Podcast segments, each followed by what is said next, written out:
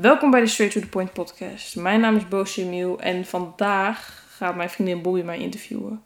Dus Bobby, aan jou het woord. Hoi, ik ben Bobby. Vandaag zijn de rollen omgedraaid. Nu gaan we het hebben over Bo. Ik denk dat de vele luisteraars daar wel nieuwsgierig naar zijn, dus vandaar. Oké, laten we eerst beginnen met de podcast. Ik bedoel, wat was jouw drive om deze podcast te beginnen? Nou, goede vraag. Ehm, meerdere dingen. Want ik heb, ik luister sowieso zelf naar podcasts al best wel lang, denk nu drie jaar of zo. Ik heb er zelf heel veel uit gehaald, heel veel van geleerd. Ehm, bijvoorbeeld van The Mindset Mentor van Rob Dial, die ik ook vaak deel op mijn Instagram verhaal. Of The School of Greatness van Lewis House.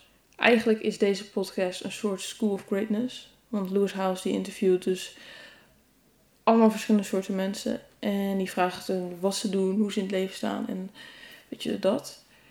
Alleen heb ik me gefocust op de jeugd, omdat ik zelf nog jong ben. En ik denk, maar ook zie, dat veel jongeren dit nodig hebben. Een podcast is heel persoonlijk. Het is net alsof je een gesprek hebt, gewoon een één op één gesprek hebt met iemand. Dus daarom heb ik daarvoor gekozen. Er zijn ook veel mensen die doen ook nog video erbij. Dat is iets wat ik in de toekomst ook zeker wil doen. Maar op dit moment focus ik me gewoon alleen op audio. En ik denk dat dit het juiste platform is. Vooral omdat het zo ja, intiem is, denk ik niet het juiste woord, maar zo uh, close is. Ja, ja, oké, get it. Oké, en nou ja, je ziet dus niet echt wie jouw podcast luisteren. Krijg jij wel bepaalde feedback gewoon op een andere manier, bijvoorbeeld via Insta of zo? Hoe weet je dat, jou, dat je de juiste doelgroep benadert en de juiste mensen volgen? En... Ja, dat, Dus Instagram is eigenlijk mijn main social media platform. Um, ik krijg we, nou, eigenlijk best wel vaak berichtjes van mensen. En het gaat dan of over mijn podcast of over de posts die ik doe op Instagram. En het doet me echt heel erg goed. Ik ben daar ook heel erg dankbaar voor. Dat die mensen uh, zich vrij genoeg voelen om hun verhaal te delen of um, ja, mij te benaderen. Dus ja, ik krijg wel feedback en dan inderdaad via Instagram. Ja, nice. En waarom voel jij die verantwoordelijkheid, die urge om mensen te helpen? Die mensen om je heen die struggelen? Waarom voel jij die urge om, te, om hen te helpen? Nou, omdat ik zelf heel erg heb gestruggeld. Uh, nou, met mijn seksualiteit, met, met geloof. Uh, ja, ik ben opgevoed als Jehovah's getuige. Ik ben als 15-jarige uit de kast gekomen. En long story short, dat past niet in het geloof. Dus dan word je uitgesloten, want ik was gedoopt, dus dan word je uitgesloten. Nou, het is, voor, je, voor niemand is dat leuk. Voor jou niet, voor je ouders niet. Dus dat zorgde voor veel frictie in huis. En ja, toen kon ik gelukkig terecht bij de familie van een klasgenoot van mij. Eh, daar woon ik nu nog steeds. Echt super chill. Maar ik besef me heel goed dat niet iedereen dat netwerk heeft. Dat niet iedereen op zo'n ja, liefdevolle manier wordt opgevangen. Zodat, zoals ik nu heb gehad, dus bij, ja, in Arnhem, maar ook bij jou en jouw familie. Mhm. Dus daarom voel ik die urge om dat voor anderen wel te creëren. Ja, hm, oké. Nou, we hebben even een hele tijd geluld dus over je carrière en alles.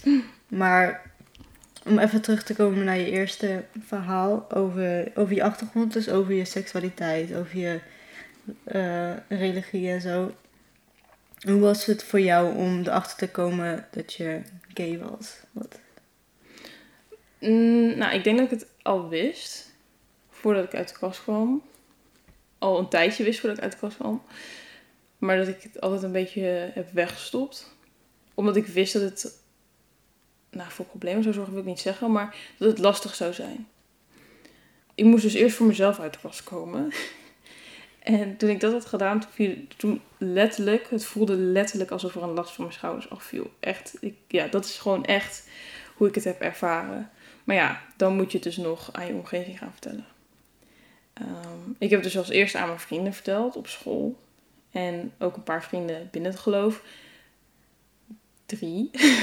en die ehm vat het allemaal gewoon goed op. En natuurlijk waren er wel wat vragen van ja, hoe weet je dat nou? Of wat is er veranderd? Of weet je wel, dat soort dingen.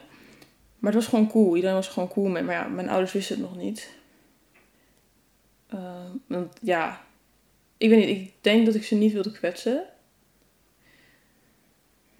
Maar ik wist ook wel dat, het, dat, ik, dat ik het een keer moest vertellen, weet je wel? Mhm. En hoe voelde die dilemma voor jou? Wat, wat, wat deed het met jou? Nou, je wil niet liegen. Dus ik wilde niet liegen. Laat ik het bij mezelf houden. Ja.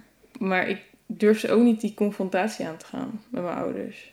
Dus ik zei het maar niet. Ik heb het pas gezegd toen ik echt, echt geen andere keuze meer had. Want toen was ik met jou aan het appen. En toen had mijn vader mijn telefoon gepakt. Dus ik dacht, ja, of hij leest het zelf, of ik vertel het.